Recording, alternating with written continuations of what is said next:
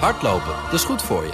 En Nationale Nederlanden helpt je daar graag bij. Bijvoorbeeld met onze digitale NN Running Coach... die antwoord geeft op al je hardloopvragen. Dus, kom ook in beweging. Onze support heb je. Kijk op nn.nl slash hardlopen.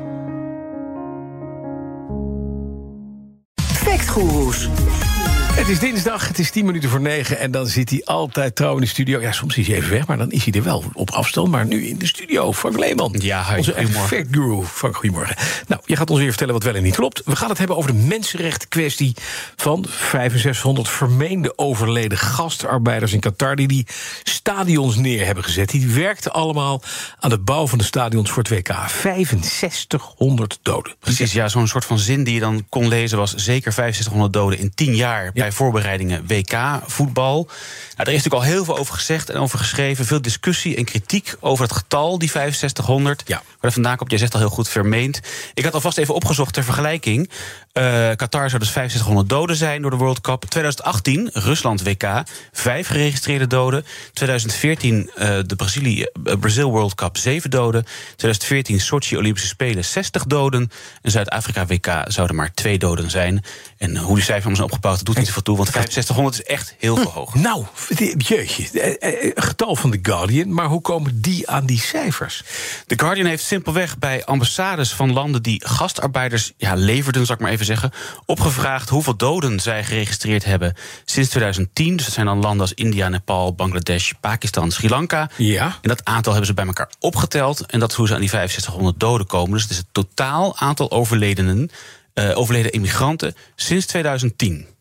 Ook, maar dat zijn dus ook gewoon mensen die uit Pakistan kwamen... en die op de wc om zijn gevallen met een hartinfarct bijvoorbeeld? Precies, ja. Dat, dat artikel in The Guardian... Het is dus niet uitgesplitst naar doodsoorzaak. Dus het artikel in The Guardian is inmiddels een jaar oud... en een aantal keer aangepast. En inmiddels staat heel duidelijk in het artikel... dat het om het totaal aantal gestorven immigranten sinds 2010 gaat.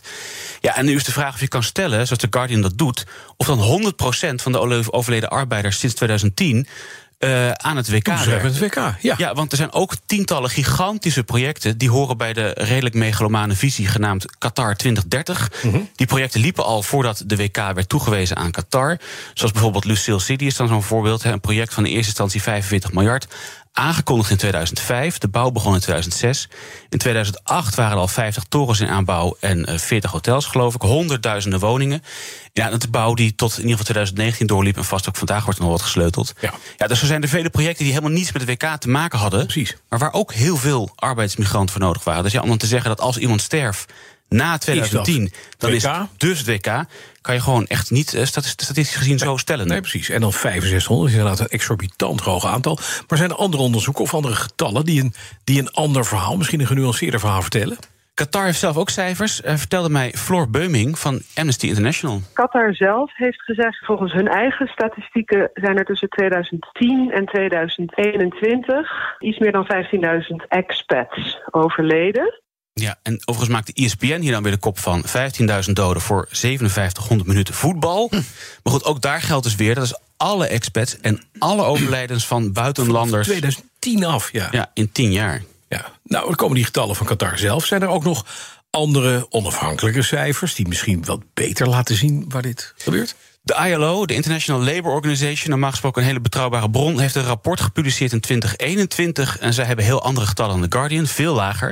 Ik zal straks wat getallen noemen, maar eh, de data waar die getallen dan weer uit voortkomen, ja, die zijn ook geen fantastische datasets. Maar de ILO zegt zelf ook in de rapporten dat, dat het probleem is dus dat er geen onderzoek gedaan wordt naar de oorzaken. Dus dat, ja, dat je op basis van die statistieken eigenlijk heel weinig kan zeggen. Ja, ze melden in een rapport verschillende bronnen en de beperkingen per bron. Ik gooi ze heel even op één hoop, puur om een idee te geven. Ze hebben het over ongeveer 120 fatale werkongelukken per jaar in de jaren 2018 en 2019, elk jaar. Eh, ongeveer 37.000 niet-fatale ongelukken van gematigde aard. 506 zware ongelukken per jaar. En dan van eh 60 fatale ongelukken in 2020 splitsen ze dat nog uit naar 64% op de worksite en 24% op straat.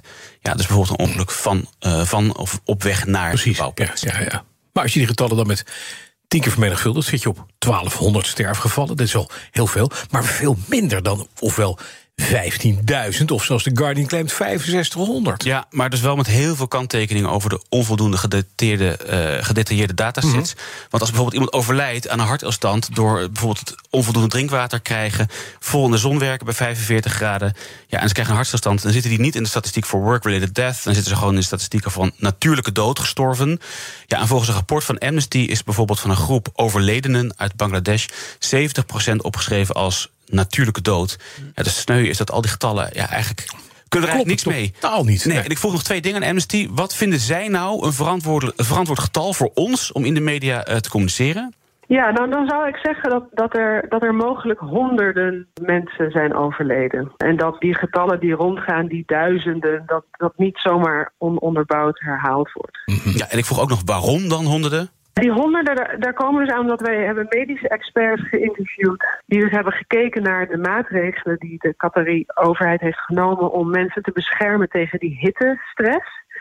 En die zeggen dus, die maatregelen waren onvoldoende. En dat het waarschijnlijk is dat er honderden doden hadden kunnen voorkomen worden als die maatregelen strikter waren ja, geweest. Precies, want mensen moesten daar in 45 graden zonder vocht uh, heel hard werken. Precies, daar is het ook weer lastig aan. Dat is dan voor bouwvakkers, die waren op een gegeven moment beschermd. Die mochten niet meer in de zon werken. Maar als je een beveiliger was van een bouwplaats, dan, dan mocht je die regel niet. Dan ging je gewoon lekker toch alsnog in de, ja. in de zon zitten. Dus uh, slechte voorzieningen, slechte, weinig rust. Ja. Amnesty zegt, je moet dit naar honderden bijstellen. 6500 of 15 15.000 is dus veel en veel te veel. Maar waar komen we nu op uit? Ja, nou ja, het getal van die aantal overleden arbeiders te maken met het WK... het is gewoon niet te checken. Nee. De getallen van 15.000 of 6500 gaan dus niet alleen over de WK... maar over alle expats van een periode van 10 jaar. Alle sterfte, vermoedelijk te hoog. Onafhankelijke cijfers zijn waarschijnlijk juist weer wat te laag. Het zegt ook niks over het WK, dus het is niet te checken. Hm. Ja, en we zijn dus nu heel erg gefocust op het getal van die doden. Hè, maar er zijn natuurlijk ook, naar schatting geloof ik...